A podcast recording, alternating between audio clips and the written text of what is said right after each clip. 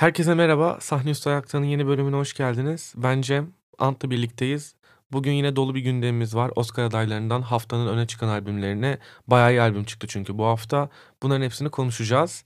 Ama öncelikle birbirimize geçmiş olsun dileyerek başlamak istiyorum. Geçmiş olsun canım. Ee, birimiz Sasha Boye'yi, diğerimiz Jürgen Klopp'u kaybetti. Böyle deyince sanki hakikaten başımız sağ olsun gibi oldu. Çünkü aynı tarihte bir 4 sene kadar önce Kobe Bryant'ı literally kaybettik. Bir daha umarım yaşamayız böyle durumlar ama evet e, ben öncelikle bence ben sana geçmiş olsun diyeyim. Çünkü hani en azından size bir katkısı oldu. Biz de şu an si senior diye Xabi Alonso takıma gelir mi he, e, heyecanıyla duvar ve Twitter refresh diyoruz. Bence ilk önce sen bir Galatasaray taraftarı olarak daha yerel bir gündemle sen bence al. Futbol programı değiliz.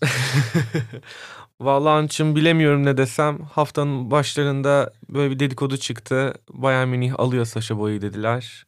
Alır mı dedik, alıyoruz dediler. Almayın dedik, aldılar.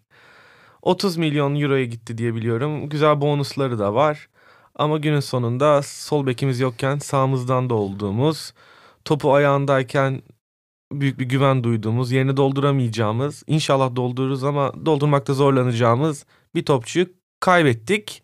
Bayern kazandı artık Sane ile karşılıklı oynasınlar. Yan yana olur. Ya benim aklıma şey geldi. Yani sen o dönem futbol izliyor muydun bilmiyorum ya da dinleyen dinleyicilerimiz arasında o dönem izleyen var mıydı bilmiyorum. 2005-2006 sezonunda Galatasaray şampiyonluğu kazanmıştı. Hatta Fener'in bir tane Denizli vakası vardır. Son dakikada şampiyonluğu kaybetti. O sezon Galatasaray'ın sağ beki Uğur Uçar, sol beki Ferhat Öztorun'du. İkisinin kariyerindeki tek kariyer e, öne çıkan maddeleri bu. Sebepleri de işte şu anki Galatasaray'ın sağ ve sol Kazımcan'la Eyüp gibi e, yerlerine biri olmadığı için neyse hadi siz oynayın gibi bir dönemde aklıma onu getirdi. Umarım sonu benzer diyelim. İnşallah Barış Alper'le Kaan Ayhan'a güveniyoruz. Yani iyi topçular canım, iyi topçular. Ee, hadi bize geçmiş olsun. Tamam biz aniden bir ayrılık yaşadık ama sizin ayrılığınızda biraz sevdaya dahil birkaç ay sürecek bir vedalaşmanın içine girdiniz. Geçmiş olsun sana da. Yani e, evet biraz ya bir yandan üzülüyorum bir yandan da bir şeylerin tadında bitmesi de hani güzel bir durum olsa gerek. Çok da bizim bizim için henüz daha bitmemişti. Tadına daha varamamıştık Yürgen hocamın. Ya Liverpool'un 2000 çok uzun uzadıya tutmayacağım da Liverpool'un 1992'de başlayan Premier Lig'de ilk şampiyonun 2020'de gelmesi ve çok uzun yıllar boyunca sadece orta sıralı yani ortadan kastım da 4-8 arasında belki 3-8 arasında dolanan bir takımı gelip tamamen e, vaatlerini sundu ve o vaatleri ayı ayına, günü gününe, sezonu sezonuna gerçekleştirdi. Ee, benim futbolu karşı mesa bayağı ciddi mesafelenmiştim lisede artık. Yani sporda futbol izlemem derken 2016'dan beri son sürat dönüp 2017'de bunu meslek olarak bir spor yazarlığına bile yeltenmemin temel sebebi olan insanlardan biriydi. Jurgen Klopp'u yani ben bir saat sadece ona özel konuşabilirim. Sadece şöyle söyleyeyim. Ee, futboldan alınan tadı geçiyorum Liverpool'un herhangi bir özellikle Prime Liverpool'un herhangi bir maçını izlemek ya da e, Jurgen Klopp'un açıklamalarını izlemek bile insanın hayata ve e, normal günlük yaşamındaki karşılaştığın insanlara karşı farklı bir yerden bakma bakma fırsatı da sunuyor. Çok büyük bir kayıp ama aynı zamanda çok da güzel bir şey vardı. Bu takımın geleceği için ben doğru isim değilim ve gerçekten artık bataryam bitti, şar hani enerjim bitti dedi.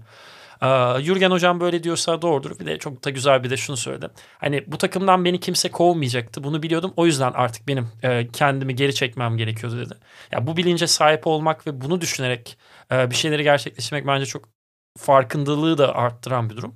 Umarım Xabi Alonso takımın başına gelir ve 2024-25 sezonu itibariyle farklı bir futbolla yine Premier Lig'de uçar kaçarız böyle. Hadi bakalım hayırlısı diyelim o zaman Liverpool için de. Teşekkürler. Galatasaray ee, için aynısı geçerli. Biz kendi gündemimize dönelim o zaman. Ee, biliyorsunuz geçen hafta da söylemiştim Oscar adaylıklarını konuşacağız diye. Oscar adayları açıklandı ve artık önümüzdeki Mart ayına kadar konuşacağımız en büyük sinema gündemi kim Oscar'ı kazanacak olacak? Ant ne kadar Oscar'ları sevmediğini iddia etse de... İddia ediyor değilim. Gerçeği söylüyorum. Benim Ama birazdan bir 10 dakika boyunca Antı Oscar adayları konuşurken dinleyeceğiz. 10 dakika boyunca konuşmayacağım. Arada soru sorulursa eşlik etmeyi deneyeceğim. Tamam tamam soru soracağım sana merak etme. Ee, şimdi Ant ben diyorum ki Oscar adaylarını zaten didaktik bir yerden girmeyelim. Ders anlatmıyoruz burada. İnternet sitelerinde sayfalarda açıp okuyabilir bizi dinleyen insanlar Ama ediyorum. Bir yandan da açıp dinliyorlarsa biz en azından bence en Aynen iyi film öyle. adaylarının bir ismini geçirsek Aynen bence öyle. kolaylaştırırız Çünkü işlerini. zaten bu adayları konuşacağız önümüzdeki günlerde. O yüzden şimdiden bir onların siftahı yapalım adlarını söyleyelim. En iyi film adayına geçmeden önce bir adaylıkların kimler yarışı domine ediyor diye bakmak istiyorum ben. Oppenheimer 13 adaylıkla yarışı domine ediyor diyebiliriz şu an. E, ki tarihe geçmiş durumda. E, bu kadar çok aday alan sayılı filmden bir tanesi olmuş durumda. Onu Poor Things 11 adaylıkla takip ediyor. Killers of the Flower Moon ve Barbie gibi filmlerde onları takip ediyor. En iyi film adaylarına gelecek olursak e, alfabetik sırayla gideceğim. Akademinin yaptığı gibi American Fiction var elimizde. Anatomy of a Fall daha önce de konuştuğumuz. Barbie, The Holdovers, Killers of the Flower Moon, Maestro, Oppenheimer, Past Lives, Poor Things ve son olarak Ant'ı çok mutlu edecek bir haber The Zone of Interest. Ya Oscar'ı niye sevmediğimi ve bazen de niye ilgimi çektiğini de hissettiren bir adaylar listesi. Hani katılırız katılmayız bu farklı. Arada filler filmler var. Maestro ya da ne bileyim Barbie gibi. Ama e, çok iyi filmler de var. Season of Interest'i, Poor Things'i, Killer, e, Killers of the Flower Moon'u gibi. Ya yine heyecanlandıracak ama gün sonu geldiğinde bu e, Oscar heykelciğini Oppenheimer sebebiyle beyefendinin elinde görünce de benim bir adam yine kazandı hissi yaratacak. Bu pek hoşuma gitmiyor ama bakalım. İki sene önce Power of the Dog'un aday olduğu sene Koda'ya ödül veren akademi... Benim orada konu kapandı ya. Hani yerden orada konu kapandı. Bu sene artık hani bu kadar güzel film varken Anatomy of a Fall, Holdovers, Killers of the Flower Moon gerçekten dolu dolu bir liste var. Past Lives, Poor Things, Zone of Interest ama gidip bir tane koda bulmasın buradan diye de dua edelim şimdiden. Yani Maestro kazansa bile şey derim yani. Aa, bunların zekası bu kadar işte. Yani hakikaten... Akademi gençleşti ve güzelleşti diyebilir ya, miyiz peki? Çok sevdiğim bir laf var bunu kibarca söyleyeceğim. Akıl bu bir şey yapamayasın diyerekten. O zaman biz adaylıkları şöyle konuşalım. 23 tane adaylık var. Böyle teker teker gitmeyeceğiz tabii ki. Ee, bunu şeyi sormak istiyorum ben Ant'a. Ve aynı zamanda Ant'ına bana sormasını bekleyeceğim tabii ki. Seni en mutlu eden 3 adaylık ne oldu? Sürpriz olup olmaması önemli değil. Seni mutlu etmesi önemli burada. Ve abi keşke bu da burada olsaydı tadından yenmez diyeceğim bir adaylık var mı? Varsa ne? En sevindiğim geçen bölümde zaten konuştuğumuz e, en iyi uluslararası filmde Almanya'yı temsil eden Teachers'ın ağacın son 5'e kalmış olması. Bu gerçekten mutlu etti ki hani film zaten biraz Oscar matematiğine de Oscar'da yarışabilmeye de uygun. Hani o ayrımcılık vesaire gibi konulardan ne bileyim e, ırkçılığın yansımaları gibi gibi neyse. Ee, ilk bölümde konuştuğumuz bir diğer film olan Anatomy of Fall'un en iyi özgün senaryoda yer alması beni e, bayağı mutlu etti. En güçlü tarafı zaten film. Aynen öyle. Hatta hatırlarsan hani filmde iyi bir film olduğunu anlatmaya çalışmıştım dim döndüğünce ama bazı yerlerin bende çalışmadığını söylemiştim. Ama yine de bu kadar üst düzey yazılmış bir senaryonun e, çalışmayan yerlerinin bile çok iyi bir şekilde yansıması olabildiğini dile getirmeyi denemiştim. O yüzden filmin e, tek sevdiğim yeri belki de olan e, senaryonun en iyi sena, en iyi özgün senaryoda yer alması mutlu etti. Son olarak da en iyi filmde Zone of Interest'i görmek. E tabii ki yani Jonathan Glazer'ın bir tek Bird filmini izlemedim uzun metrajlarından. izlediğim her filmine ayrı hayranım. E bunlar orada geçer. Olumsuz tarafta da Andrew Scott'a All of Us Strangers'ta bir adaylık bile görülmemiş olması. Yani hiçbir şey diyemiyorum. Geçen bölümlerden birinde zaten yine konuşmuştuk. All of Us Strangers'ta işte ikinci bölümle üçüncü bölüm arasındaki vakitte izleme şansı buldum. Harikaydı. Söyleyeceklerim bu kadar. Sen diyeyim. Şey ne diyorsun peki Antonio of Fall'un e, bu Twitter'da artık X'de demem lazım galiba. Twitter ya Twitter. Ama. Bana X dersen ben senden hani böyle ikinci ismimle bana seslenmişsin gibi bakarım. Arın. Efendim? Kimden bahsediyoruz? bir, bir, biri daha mı koltuk çekti? Vallahi üç kişiyiz bugün. Arın da burada. That's what she said. bu doğa olayı mıdır yok değil midir bu film nedir gibi bir muhabbet döndü Twitter'da gördüm onu geçtiğimiz hafta. Herkes bir yorumda bulundu. Antonio of Fall'cular ve bir şekilde Antonio of Fall'un karşısında duranlar. Aa, görmedim yalan söylemeyeyim. Ee, geçen çok Twitter'da da dolanma vaktim o fırsatım olmadı. Ya Anatomy of Fall'un ben direkt yanında değilim. Ama bu çok üst düzey bir senaryo yazımı olduğu için ve her şeyin neredeyse kusursuza yakın çalıştığı bir senaryo olduğu için hani çok kötü oyunculuklar var özellikle ilk bölümde de bahsettiğim o mahkeme sahnesi gibi. Aslında mahkeme sahnesinde Sandra Hüller demiyorum yanlış anlaşılmasın. Mahkeme sahnesinde e, adalet tarafını temsil edenlerde. Ee, şeyi görmedim ama e, yani iki tarafta Aziz Yıldırım'ın çok sevdiğim bir şeyi var. Arkadaşlar sizin ne güzel hayatlarınız var ya öyle bizim hayatımız stresli maalesef diyerek. Tekrar ediyorum biz bir spor podcast'i değiliz. Evet ama yıllarca sporla uğraştığım için üzgünüm referanslarım böyle. Senin e, en mutlu olduğun üçlü ve üz, üzdü demeyeyim ama olsaydı iyi olurdu diyeceğim. Abi olsaydı çok iyi olurdu diyeceğim bir tane adaylık var. Oraya geleceğim artık nihayette o ismi konuşalım. Çünkü konuşmamızı beklediğinizi biliyorum birilerinin burada. Ama artık onun da vakti geldi. Ee, öncelikle Wim Wenders'ın Perfect Days'inin Japonya adına en iyi uluslararası film yarışında ilk beşe kalması beni bayağı mutlu etti. Ee, Lou Reed'in Perfect Days şarkısıyla açılan yani daha doğrusu film öyle açılmıyor ama filmin çıkış noktası o. Muazzam bir e, müzik tercihinin yer aldığı, Patti Smith'in Redondo Beach'inin defalarca çaldığı ve her seferinde abi ne güzel ya ne kadar zevkli bir insansın sen dediğim ve aslında hikayesiyle de çok etkileyen e, bir tuvalet temizlikçisinin e, var olma çabaları kendi küçük şeylerle mutlu etmesi belki bir sisteme baş kaldırmıyor ve bu yüzden de Wim Wenders'ın eleştirildiğini de gördüm. Ama e, ben gayet memnunum filmden ve onun adaylığı da beni çok mutlu etti.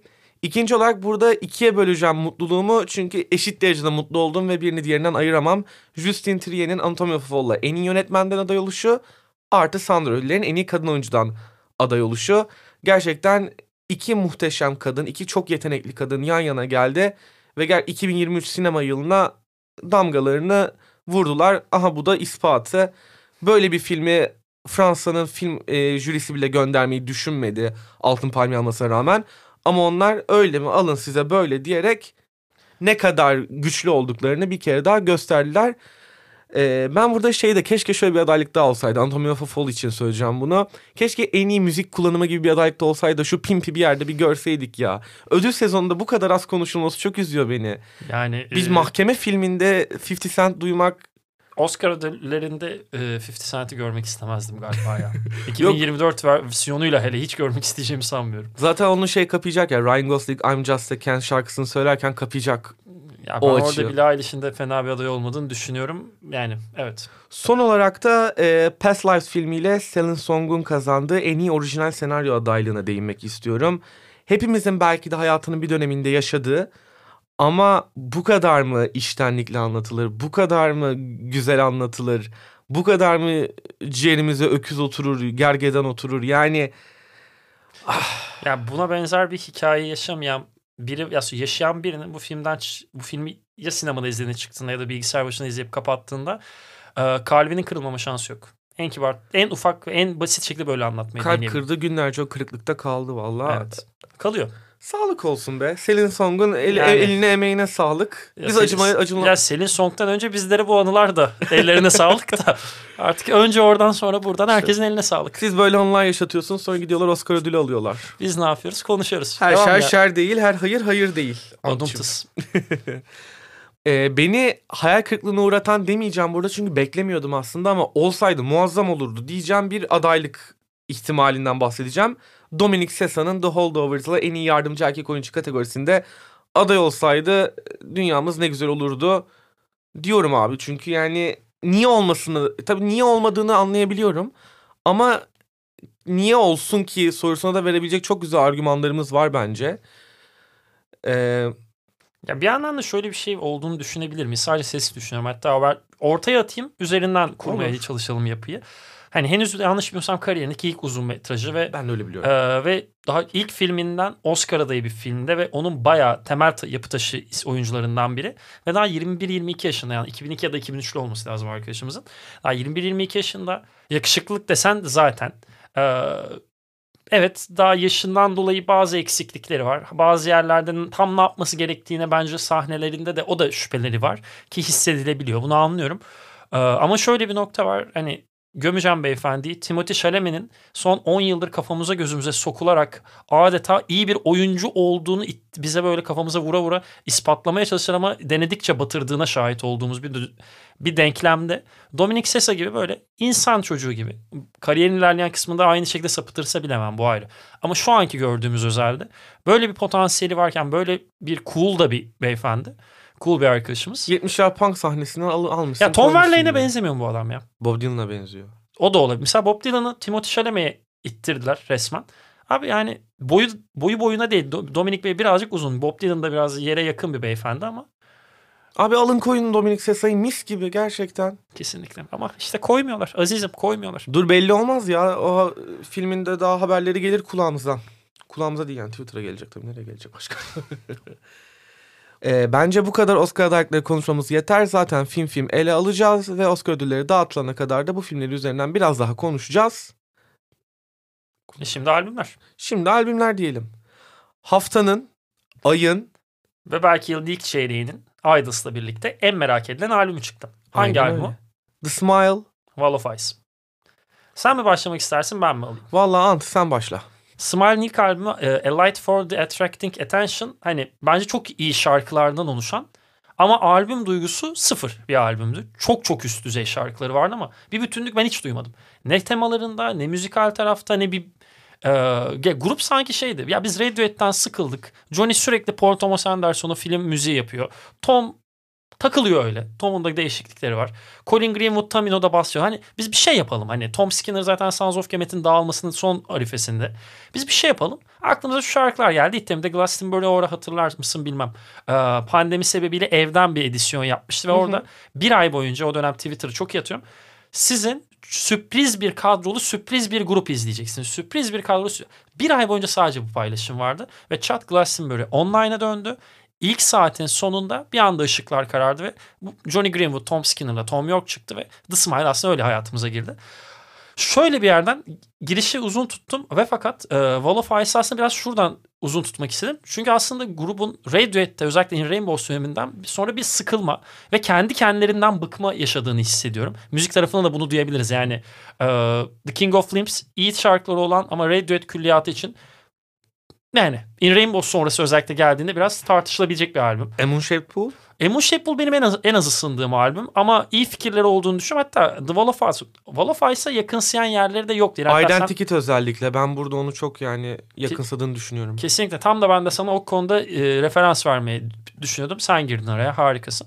Ya Wall of Ice'ın çok uzun uzadıya da konuşabiliriz. Şöyle bir yerden alacağım. Albüm bütünlüğü özellikle son 2020'lerle birlikte çok az denk geldiğimiz bir şey. Ve bazen albüm bütünlüğü görüyoruz. O albüm bütünlüğünün kalitesi tutmuyor. Bazen kaliteli ama ilk The Smile albüm gibi bütünlük yok. Ama bunların hepsinin birleştiği ve burada bir yandan da Sam Petz Davis'in yani albüm prodüktörünün de bence ismi geçmeli. Hı hı. Johnny, Gr- Johnny Greenwood'un aşırı ambient ve aşırı deneysel isteklerini bunu bir e, modern orkestra ile Londra Modern'le birlikte çalmayı denemesi. O Tom York'a söz yazımında sonsuz alan açımı ve Radiohead'in belki iyi işte OK Computer Key Day dönemi, amnezya dönemindeki o karanlığının iyice dibine girmemiz. Bunlardan kaotik, garip ama bu kaosun aşırı dingin bir halini duyduk. Ee, Read Room bence albümün ve şu ana kadarki The Smile Külliyat'ın en iyi şarkısı. Çok iyi bir Hail to the Thief albümü şarkısı gibi. Eski dönemini alıyor, eski dönemini kucaklıyor. Ama diyor biz sıkılabilen bir grubuz. Ama kendi özümüze dışarıdan bakabilme e, olgunluğuna da artık eriştik. Biz hem ne yapmak istediğimizi keşfetmeye çalışıyoruz hem de eskiden neyi iyi yapabildiğimizi ve bugüne taşımamız gerektiğini düşünüyoruz. Read the room yani. Albümün son şarkısı You Know Me'nin de son sözü aslında şöyleydi. Beni tanıdığını düşünüyorsun ama tanımıyorsun aslında. Hani bize de aslında dinleyicisine şunu diyor. Sen sadece beni tanıdığını düşünüyorsun. Ama bir sonraki albümde emin ol yine ben sana Tom York'la Johnny Greenwood'un ve tabii ki Tom Skinner'ın kim olduğunu göstereceğim Yoksa diyor. bu albüm zaten niye bu sözle bitirsinler? Aynen öyle yani ve işte ne bileyim Stanley Donwood'un yaptığı harika kapak vesaire çok fazla girebileceğimiz yer var. Ee, bir de sen albüm kapağı demişken ben şey demek istiyorum. Aslında e, albüm kapakları daha doğrusu hem bu albümün albüm kapağı hem de e, Tom York ve Stanley Donwood'un beraber yaptıkları çalışmalar geçtiğimiz aylarda London Tin Man Sanat Galerisi'nde iki segmentten oluşan bir sergi şeklinde yayınlandı. Ve aslında bu iki kafanın da kendi duygularını, düşüncelerini, bulunduğumuz zamanın ruh halini e, belli haritalar kullanarak gerçekten referans olarak bazı korsan haritalarını aldıklarını söylüyorlar. Belli bir duygu haritası yapmaya çalıştıklarını çok rahat görebiliyoruz. Bu serginin ismi yanlış hatırlamıyorsam The Crow Flies ve e, Ted Hughes'un Crow e, şiirinden geliyor. Ve bu şiiri nereden biliyoruz biz aynı zamanda? The Smile'ın grubunun ismini de aslında refere aldı. Şiir aynı Hughes'un Crow şiiri. E, bu açıdan aslında albüm kapağı ve grubun kendisine kadar ilintili görebiliyoruz. Ve aslında bu anlatının e, medium fark etmeksizin, pratik fark etmeksizin ne kadar Tom York'un ve arkadaşlarının bu delillerin içine işlemiş olduğunu da çok rahat görebiliyoruz. E, bu mükemmelliyetçi demeyeceğim buna. Bu mükemmelliğin e, bir diğer paydaşı da tabii ki Paul Thomas Anderson.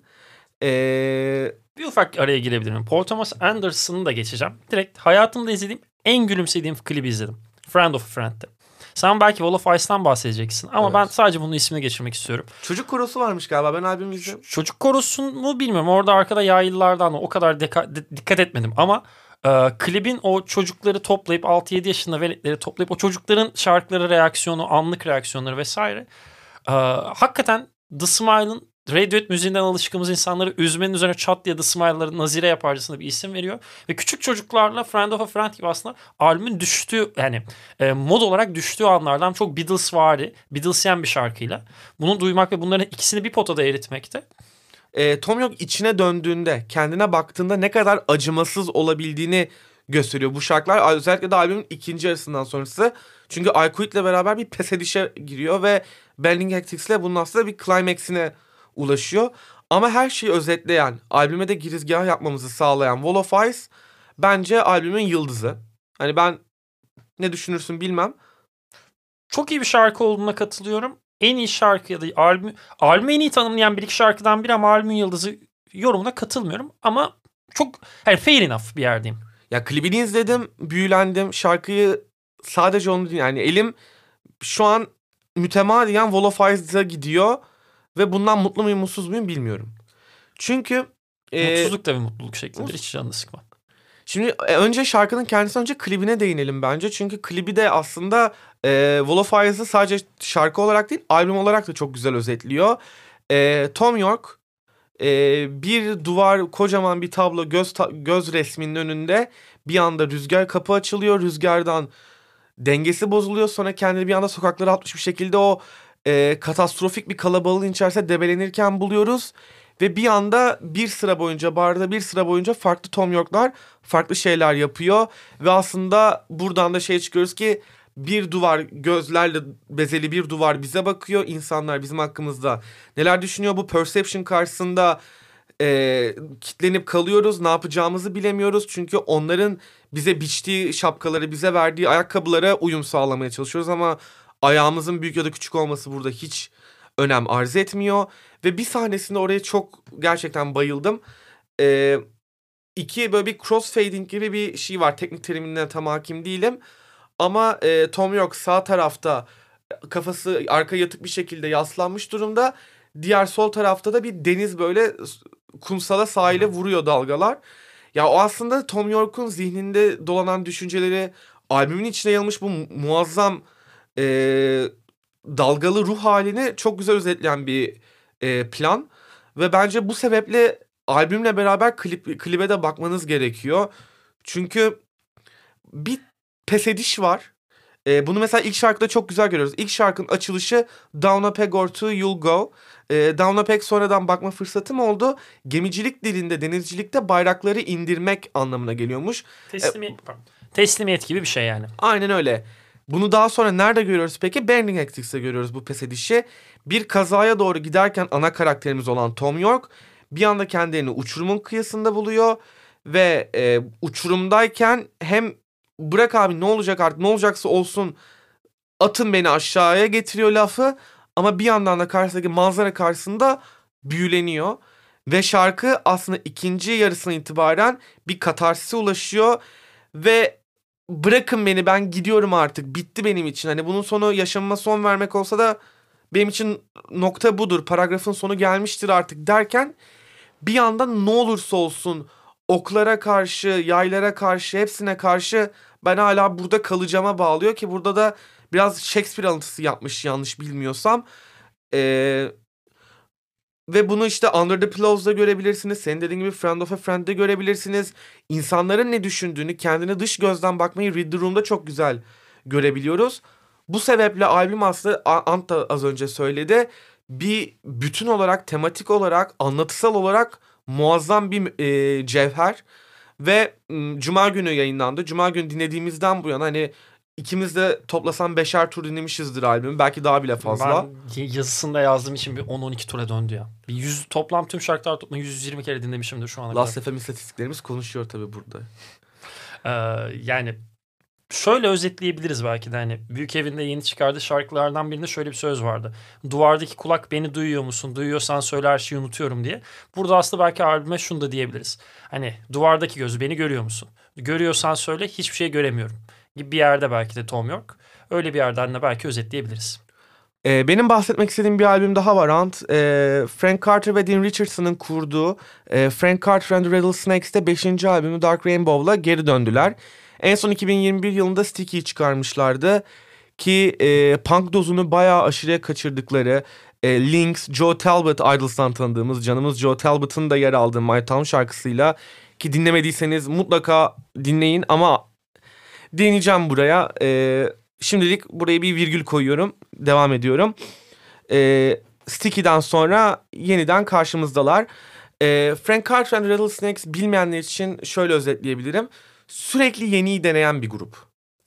E, burada da aslında zaten e, grubun solisti Frank Carter'ın DIY'ye verdiği bir röportaj var. Burayı baz alarak bu e, varyete bir diskografiden bahsetmek mümkün. Biz bir punk grubu değiliz diyor Frank Carter ama kanımızda da punk aktığının farkındayız diyor. E, bu ekleme şöyle önemli. Sticky e, punk anlamında, garaj punk anlamında çok güçlü bir albüm. Kısa süresine rağmen çok güzel şarkılar vaat ediyor. E, bu noktada da aslında yayınlanan e, bazı teklilerden örnek vermek gerekirse bu ton farkını özetleyebilirim diye düşünüyorum. Albümün açılışını yapan hani albümün geri kalanından ziyade daha sert bir tonda başlatırken albümü e, daha önce tekli olarak da yayınlanan Man of the Hour ve Brambles gibi şarkılar ki burada Brambles'ın altını çizmek istiyorum. E, 2023'ün son günlerinde bu şarkıyı Instagram'da paylaşarak galiba 2024'ün en iyi şarkılarından birini buldum ben diye not eklemiştim. Hala arkasındayım. Brambles muazzam bir şarkı. Albümünde benim için favorisi. Ee, bu anlamda çok dolu bir albüm. Ee, davetkarlığı tartışılır. Belki ikinci biz dinlemeye sizi teşvik etmek isterim buradan. Çünkü belki ilk turda şey olabilir. Bu çeşitlilik çünkü e, Frank Carter diyor ki aslında e, albümün çıkış noktasında e, biz biraz daha sakin kalmaya ve bu albümü kaydetmek için uzun zaman aralıkları tanımaya karar verdik kayıt süresince diye ekliyor röportajında. Çünkü çok fazla şey denediklerini de tahmin ediyorum ki belli bir kimlik arayışına düşüyorlar. Biz ne yapıyoruz? Hangi türü icra ediyoruz ve bizim dinleyicimiz kim gibi bir yere varıyor olabilir bu diyalog kendi araları içlerindeki. Bu sebeple bu yeni deneyimleri End of Suffering'de beraber gelen ki ben aslında bu albümü sevdiyseniz End of Suffering'e de geçiş yapmanızı ve grubun üçüncü albümünü e, dinlemenizi de tavsiye ediyorum. E, birbirlerine güzel bağdaşıyorlar. Birbirleriyle güzel konuşan albümler bunlar. Ve diskografilerine baktığımızda Frank Carter and Rattlesnake iyi ki var diyoruz. Ben son olarak e, geçtiğimiz sene değil 2021'de e, Seeking New Gods isimli albümüyle aslında keşfettiğim ama uzun yıllar Super Furry Animals grubunun e, vokali ve gitaristi olan e, Groove Freeze'in yeni albümünden bahsetmek istiyorum. O da aynı hafta yayınlandı. Zaten 26'sındaki albümle konuşuyoruz. Niye bunun altını çizdim. E, Badum Tıs. Sadness Sets Me Free albümünden bahsetmek istiyorum.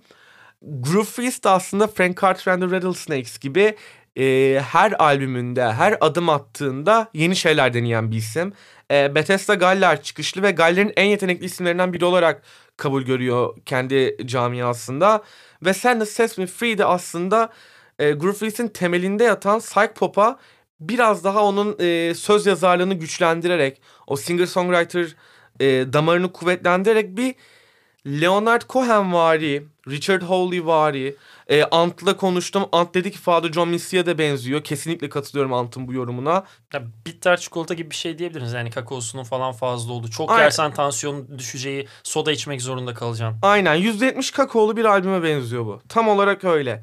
Sözleriyle bazı numaralar yaratan ama aslında ilk andan o acılığını kendi tatlılığıyla beraber veren aslında mesela parmak şıklatıyorsunuz albümün ritmine, şarkının ritmine ama bir yandan sözlere kulak verdikçe de ben nasıl bir karamsarlığın içine düştüm ve şu an elimi şıklatarak eşlik ediyor olmak doğru bir şey mi benim yaptığım gibi bir ikleme düşüyorsunuz. Şöyle diyebilir miyiz? Üzgün oynak popolar. Üzgün oynak popolar. Çok güzel dedin. Ee, sen neler dinledin? Ben bayağı dinlediklerimi özetlemiş bulundum. Ya bu hafta ben de bir, bir şeyler dinledim. Yani işte ne bileyim bahsetmeyeceğim albümlerden Alkaline Trio'yu dinledim. Lucifer'ın Lucifer Five'ın dinledim. Ee, Torres'in albüm dinledim. Yani hakikaten What an Enormous Room da yani keşke albümde enormous bir şey olsaydı hiç olmamış. Onu konuşacaktık aslında ama konuşmaya değer çok ya, bir şey bulamadık ya. Torres'in 2015, 2016, 2017 falan o dönemlerini çok severim de sonra maalesef. Ama bir tane albüm var ki bundan bahsetmek istedim. Hatta e, yayına ya kayıda girmeden Cem'le de konuşuyorduk. Bu hafta da Smile çıkmasa bence ayın albümüydü. Ee, bahsedeceğim albüm Future Island'ın 4AD plak şirketinden çıkardığı dördüncü albüm olan People Who Are Not There Anymore. Bence harika bir albüm. Kariyerlerinde yedinci albümü. Ya bu arada şey çok seviyorum Future Island'ın bir tavır var. Mesela daha indie taraflardan Keen'i andırabilir. Hani kesinlikle gitar kullanmıyorlar. Gitar yok. Ölümüne synth pop. Si- synth pop da diyemezsin. Yani evet bir pop vibe'ları var, synth tarafları var ama çok eğlenceli bir grup değiller. Hani e, Future Island dinleyerek kıçı başı dağıtamazsın. Çok eğlenemezsin. Çünkü Aynen suratına vuruyor. Ya, bir yandan da şu var. Burada e, kesinlikle vokal ve aynı zamanda şarkı sözlerinin tamamının yazarı Samuel Herring'in de adının geçmesi lazım. Bence e, çok hakkı verilmeyen ve radar altı kalmış çok yetenekli ve entelektüel birikimi fazlasıyla yüksek biri. Ya bu albümün de hikayesini şöyle çok kısa özetleyeyim. 2020-23 arasında pandeminin de hatta geçmesine rağmen son bir yıl Samuel Bey biraz e, dikkatli bir insan olduğu için çok insan içine karışamamış ve bu Covid pandemisini e, Covid'i Covid'in yani Covid'e yakalanmadan Covid perspektifinden nasıl anlatabilirim ve nasıl hayatlarımız karardı sadece kendi özel hayattan değil daha belki genel bir perspektife sunmaya çalışmış. Ve ortaya çıkan albüm aslında neşeli evet bir yerde ama karamsarlığı var ve her şarkı yüksek. Ama o yükseklik az önce sana dediğim üzgün oynak popolar olmaya biraz daha bence teşne bu albüm. Çünkü hakikaten hani hafiften bir böyle lan bir sola kıvırtsam biri bakar mı acaba diye bir hani arkayı kesiyorsun akşam 11'de eve dönerken çünkü sokakta boştur vesaire. İşin şakası bir yana ya bir yandan da burada e, prodüktör koltuğundaki Steve Wright'ın da hakkını vermek lazım. Grupla nefis bir birliktelik ortaya koymuş. Çünkü Future Island e, işlerine çok karışılmasını seven gruplardan değil bildiğim kadarıyla. Ben de bu arada çok uzun zamandır dinleyen biri değilim Future Island. Pandemin hemen başında 2020'nin yanlış hatırlamıyorsam bir yine Last FM'dan kontrol etmem lazım. 2020 Nisan'da ya da Mayıs'ta falan keşfettim. Çok yeni. Ee, bayağı baya baya işin içine dahiliyetine izin verilmiş ve burada bir yandan da Chris Coy'da albümün mix master'ını yapan kişi. Onu da şuradan hatta senin de bildiğin albümü oluyor. 2014'te çıkan ilk e, dördüncü albümleri. Singles'ın da prodüktörüydü mesela Chris Coy'da. Ya şöyle bir şey var. İşini iyi yapan insanları topluyor. Derdini direkt anlatıyor. Neşesini karamsarlıkla birleştiriyor ve çok temiz bir ses duyuyorsun. Ve aynı zamanda şu tam olarak Türkiye'de isim vermeyeceğim ama yazın yapılan açık hava festivallerinden birinde akşam 7-8 arasına bu kadar uyabilecek çok az grup var. Bunu konuşacağız bu arada. Aslında birkaç haftadır Ant'la planlıyorduk. Bir festival line-up'ı kendimiz böyle bir tasarlasak kimleri eklerdik diye. Benim kesinlikle Future Island özellikle bu albümü dinledikten sonra daha düşük bütçe demeyeceğim de daha makul bütçe. Hani e, dinleyicinin de biletini ödeyip e, borç almak ya da böbreğine bak bakış atmasını gerektirmeyecek bir bütçede bence Future Island baya baya iyi bir grup ve Mesela The Smile'a dedim. Ocak ayında çok albüm konuştuk seninle. Neredeyse şu ana kadar 15 albüm falan konuşmuşuzdur bence adını geçirdiklerimizle. Mümkündür. Ee, The Smile'ın, Infant Island'ın ve Sprints'in albümüyle beraber bahsedeceğim bence benim açımdan ayın en çok dikkatimi çeken ilk dört albümünden biri. Ve yıl sonu listemde bu az önce adını geçirdiğim dört albümün yılın kalitesine göre değişmekle birlikte yer alacağına kesin gözüyle bakıyorum. Baya baya iyi albüm. Hani sen o kadar yükselmediğini söylemiştin. Nation of Language'i andırıyor gibi bir yorumun vardı. Ya ben, ben de Nation senin of- yorumunu senden önce söyledim kusura bakma. Ben Nation of Language'in e, Future Island'ı takip ettiğini ama son albümlerinde bunu daha iyi yaptıklarını Katılıyorum. düşünüyorum. Bence Nation of Language kendi döneminin 2020'lerde çıkan en önemli birkaç gruptan biri. belki daha soğuk, daha donuk bir synth yapıyorlar. Pop, Duygusuzluk, şö- şöyle bir duygusuzluk var. Yani buz gibiler. Coldplay. Buz gibiler ama şöyle bir tarafı var. Oynaklar, neşeliler. Ya mesela Friend Machine hayatında duyabileceğin Nation of Language'a geçtim. En eğlenceli e, synth sound, e- en eğlenceli synth e, melodilerinden biri. Ya da ne bileyim son albümdeki Soul Obsession falan inanılmaz derecede keyifli şarkı. Aynen öyle. Ama söze geliyorsun ha oluyorsun. The Yani- Smiths gibi mi?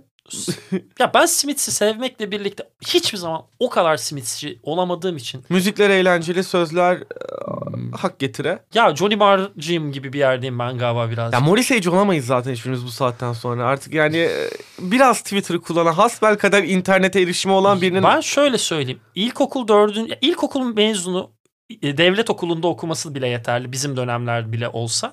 Basit seviye İngilizce A2 noktaya kadar İngilizce bilen herkes bir noktada Morrissey hayatında bir sorgulaması gerekiyor bence müzikle ilgiliyse. A2 İngilizcesi olan biri Morrissey'i anlardan zaten çok güzel özetliyoruz bence Morrissey'in ne Ee, yapmaya çalıştığını hayatında. Yani ze- zeka seviyesi diyeceğim de linçlenmeyelim. Yok çok dağıttım konuyu. The Smiths en sevdiğim gruplardan biri. Benim- Ant'ın O kadar değil. Yani, Mi? e, şey. Meat is Murder ve e, Strange Ways Here We, Aslında Strange Ways Here We Come hayatımda en sevdiğim albümlerden biri ama The Queen is Dead rocks. O kadar değilim diyeyim. Yani Frankly Mr. Shankly'de yine misal orada bir Liverpool'luk vardır. Jurgen Klopp'tan önceki Jurgen Klopp'umdur. Bak iyi bir yazar bölümün başı ve sonunu tamamlar. Hoşçakalın. İşin şakasını da tamamlayayım. Future Island'ı da tamamlayayım ve bölümü de bitireyim. Çok e, dağılmadan. Da, daha sonra, çok dağılmadan. Future Island'ın albümünden ne beklemeniz gerektiğini biraz özetlemeye çalıştım ama bir anda da sadece şunu da söyleyip kapatacağım. Albümün harika bir kapağı var. Burada e, albümün kapağını çizen e, Meksikalı bir yeni nesil sanatçılardan. İsmini aynen okumam lazım çünkü ezberleyemedim. B. Dallo isimli bir beyefendi. Fading Memory of a Face isimli bir eserinin kapakta görüyoruz. Aslında Fading Memory of a Face e, ismiyle albüm kapağını birleştirmek ve şarkısının şarkıların anlattığı o albüm havasını birleştirdiğimizde sanki bir resimde tamamlanıyor diyeyim. Ve Future Island'ın da bence bu ay çıkan en önemli albümlerden biri olduğunu tekrar dile getireyim. E, dinlemediyseniz ya da belki Future Island'la hiç tanışmamış olabilirsiniz. Garip bir şekilde çevremde çok fazla böyle arkadaşıma da denk geldim. Ya biz onları dinlemedik bir vakit bulamadık diye. Ben de belki ufak bir aracınız olabilirsem ne mutlu bana. Vallahi Ant'cığım çok teşekkürler. Ağzına sağlık. Senin de aynı şekilde. Ee, güzel bir ay oldu. Güzel albümler konuştuk bu ay.